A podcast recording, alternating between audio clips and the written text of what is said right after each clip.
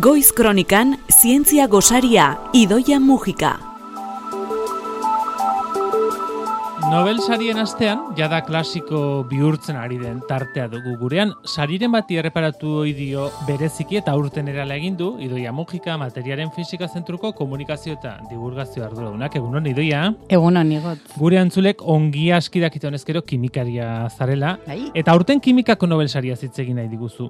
Entzun ondo entzule, organokatalisi asimetrikoari eman diotek kimikako saria. Organokatalisi asimetrikoa. Haze hitz potoloa Bai. eta esan zenian argi eta garbi doia benet. Mm, Nik dardar pixka bat eh, egin nuen eh, hitza entzun bezain pronto, ala ere lehenengo beste ohar batekin hasi nahi duzu. bai, hor batekin hasi nahi dut, izan ere, aste honetan Madrilen egon nahi zain zuzen ere pixka bat aztertzen, zeintzuk diren arrazoiak, ba, baita zientziaren arloan, eukitzeko daukagun genero desberdintasuna, eta... Hemen ba, aipatu izan duguna. Aipatu izan dugu, eta aurten ere Nobeleko sariak ba, berriz ere medikuntza, fisiologia, fisika, kimikan, gizoneko, gizoneko, Dena gizonak. gizonezkoak bost, emakumeak zero. Hau e, ez atxapelketa bat, baina bai da ipagarria. Alde batetik esateko, bueno, ez altzegoen emakumerik, bueno, horrez geha sartuko, ze bai, ba, be- bikaintasuna eta guzti hori, baina egia dana da zenbakiak oso gaizki daudela, eta hau ba, beste indikatzaile bada esateko benetan zientziaren arloan emakumeen e, presentzia oso txikia dela. Eta hori nolabait e, konpondu behar dugula. Da gero ja bakoitza bota itzala kontuak aber Nobel sarikeoek egin aldezaketen ba ez esango esfortzua, baina bueno, beintzat ba saiakera, ez? Topatzeko emakume bikainoiek mm, egon badaudela. Hori esan da, ba ze esango dizuet, kimikako aurtengo saria hain zuzen ere neri bihotzeraino ikutu nau, nere tesia egin nuenean, kimika organikoan egin nuen eta zer eta organokatalisi asimetrikoan egin nuen. Sei Beraz, saria eman dioten horretan oinarrituta, egin zenuen zuk tesia idoia. Bai, izan ere hemen Donostian badago organikako talde oso potente bat Mhm. eta bere esfortzu asko jarrita dauzka, ba, beste mundu mailan jende asko bezala, e, gai honi eta da zer da gai hau, ez? Zergaitik handan hain esanguratsua edo zer da saritu duten, ezta?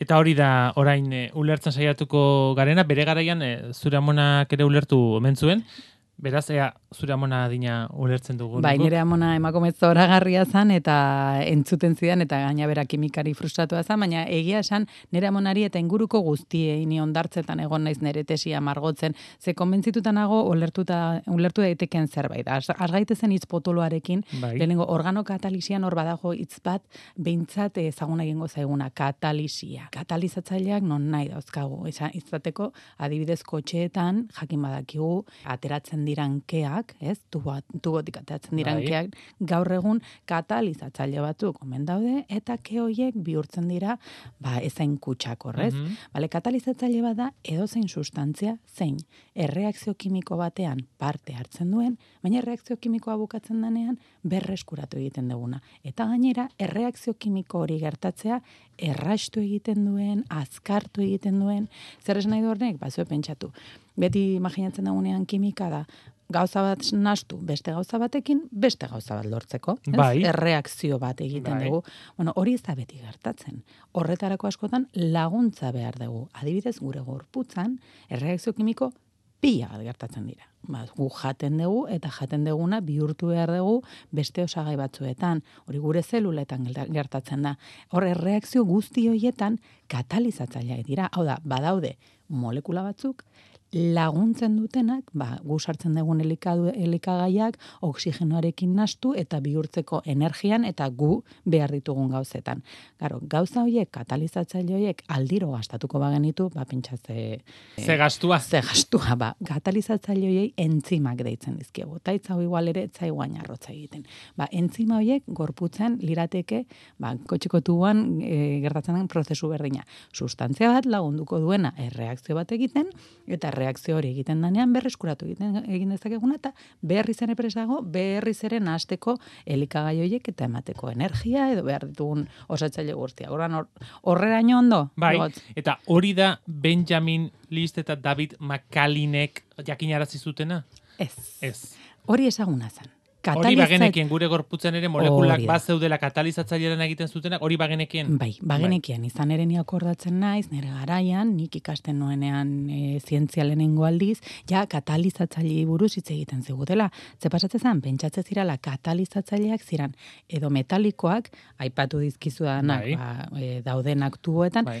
edo entzimatikoak, hau da, berez, ba, izaki bizidunak sortzen ditugun proteinantzeko morre- molekula erraldoi batzuk. Bi hoiek ezagutzen ziran, eta non, eta bi gizon hauek, Benjamin List eta Macmillanek, Bai. eska gaina hainbeste irakurri ditut. Beraiena, hainbeste, pentsatzen benetan. dugu. Ikusten tesia zu nere, nere tesiaren Bai. hasiera guztia eta saltzen dira nik ezakitzen bat aldiz. Ze beraiek katalizatzaileak asmatzen hasi ziren, konturatu ziren, etzala beharrezkoa horrelako molekula erraldoi eta biologiko bat katalizatzaile bat sortzeko. Eta hasi ziren eraikitzen molekula oso txikiak eragin berdina zutenak. Hau da, kapazak ginen lehenengo aldiz laborategian esateko guk diseinatuko ditugu katalizatzaile hauek. Molekula txikiagoek ere badaukate almen hori, bai metal batzuek, bai entzimak daukaten katalizi protere hori egiteko. Eta hori izan zen kriston iraultza. Ze imaginatu, azken finean, laborategietan esaten dizudana, gustatzen zaigu asko erreakzio berriak egitea, sustantzia berriak egiteko, ba, askotan esaten dugu, ba, zenbat aurreratu dan, Bai. materiale berria, naiz naizari bakarrikan hitz egiten zelula fotovoltaikoetan edo beste materiale batzuetan, baizik eta medikuntzan, batipat ba, eraikitzeko behar ditugun botikak, eraikitzeko gauza pila bat erreakzio kontrolpean euki behar dituzu. Eta er- erreakzio horiek kontrolpean eukitzeko katalizatzaileak behar dituzu. Eta kapaz izatea, katalizatzaile horiek guk diseinatzeko eta gaina izateko molekula txikiak Txikia izateak ere badu garrantzia. Badu garrantzia. Organo katalizatzaileen berezitasun bat da, molekula oso sinpleak izan ohi diela, normalean karbono, nitrogeno, oxigeno, atomo ezagunezko, eta, ba, ez dut esango erraix, baina, bueno, behintzat egin daitezkenak laborategietan, eta hoiei jartzen zaizkiet, e, esaten dira grupo funtzionalak, ja kontrolatzen duzu, zer reakzio klase nahi dezun gertatzea. Ez dutela bakarrikan saritzen zerbait dana berria, baizik eta zerbait dana erabilgarria. Zerbait ja... Ja da urteetan pixka bat Bai, bai. frogatu dena, ba, balio handia izan duena. Hori da. Organo katalisia asimetrikoa dela esan dugu lehen. Azken hitza. Asimetrikoa zergatik? Ba, hori da, hain zuzen ere, gehien gustatu zitzaidan apaineri tesirian, eta gehien gustatzen zaidan ere Nobel sari honetan. Orain ez, eh, asalduko dizuedan gauza bat, oso garrantzitsua da danok ulertzea, ze beti pentsatzen dugu, ba, botikak egitea, eh, aipatu ditudan erreakzioak, bada, badirudi oso aixe egiten dira gauzak dirala, baina ez da horrela. Gure mundua asimetrikoa dala esaten dugu, gure gorputza, zer esan nahi du horrek? Zuek imaginatu, adibidez, zapatak. Zuk eskerreko hanka eta eskubiko hanka daukazu, eskerreko zapata eta eskubiko zapata. Ezin dituzu aldatu. Hori da ispilu baten e, irudia diralako. Ispilu baten irudia izan da naiz eta gauza bera izan esan hauek oinak dira. Hau gauza bera da, ez da gauza bera, badauka zerbait. Da gauza horri asimetria dit. Da zure ispiluan dagoen irudiarekin ezin zerala solapatu ezin dezu erabili eskubiko zapata ezkerreko hankean. Ba hori, gorputzean oso garrantzitsua da. Gure molekulei gauza berdina pasatzen Aha. zaio. Gu guztia barrutik, zelula guztian, osagai txikienetara goten geranean, hor daude, esango bagenu, ba, giltzak eta giltza sartzeko zuloak. Giltza eta giltza sartzeko zuloiek dira, edo ezkerrekoak, edo eskuinekoak. Eta zuk ezin dezu sartu ezkerreko molekula bat eskuineko zulo batean. Ez da sartuko. Hori gertatzen da ere gorputz mailan. E, esango ez eta da garrantzia dauka horrek, ba garrantzia oso handia. Zezuk erreakzio bat egiten dezunean, eman dezagun ba hori, erreakzio bat egiten ari zela, eta zure erreakzioan zapatak egin nahi dituzu. Katalizatzaile bat egiten badezu, organikat, organo katalizatzaile bat adibidez, zapatak egingo dituzu, biak, eskubikoa eta ezkerrekoa. Baina gogoratu, gorputzean bakarrikan ezkerrekoa edo bakarrikan eskubikoa beharko dugu. List eta Macmillan e, espezializatu ziren esaten. Organo katalizatzaile batzuk diseinatuko ditugu zeinek. Guk nahi izan ezkero. Bakarrik ezkerreko zapatak egin, ezkerreko zapatak egingo dituzte. Bakarrik eskubiko zapatak egin, eskubiko zapatak egingo dituzte. Eta hor, irabazi genuen bi aldetatik. Alde batetik, bakaro, ja, bakarrikan ezkerreko zapata behar bazenun, ba, biak ez egitea horrek ja aurrespen bat dakarrez, eske beste arazo bat zegoen. Guzti hau jakina horretik, medikamentuak, botikak, egiten ziren hasieran bezala. Esan, zapata egin nahi bueno, ba, nola ezakigun nola egin bakarrik ezkerrekoa da bakarrik eskubikoa, ba benga, biak egingo ditu. Eta gure gorputzera sartzen genitun biak, eskubikoa eta ezkerrekoa. Jakinda bakarrikan batek funtzionatuko zuela. Kaso askoetan, besteak, eskubikoak, mango dugu eskubikoa txarra Bai, dela, bai.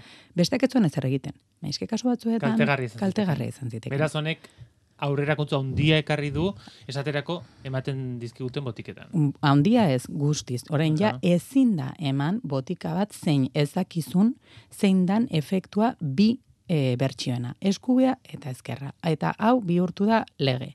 Zegontzan oso kasu aipagarri bat talidomida, oso Ah, bai, kasu dramatikoa da, bai, bai, bai. entzun daukazu de, eta arrazoia hori zan, talidomida banatzen zanean, banatzen ziran bi isomeroak, zapatak hitz egin beharrean, Bai. baina molekula horiei isomero deitzen zaie, eta batek zeukan antidepresibo, ba, zeinbat ba, ongarria zan zentzu askotan. Baina, aurdun zeuden emakumeetan, da. besteak sortzen zituen kriston Malformazioak. malformazioak jaiotzeko zegoen zeuden ume hoietan. Orduzkeroztik ja legez ezin dira biak eman.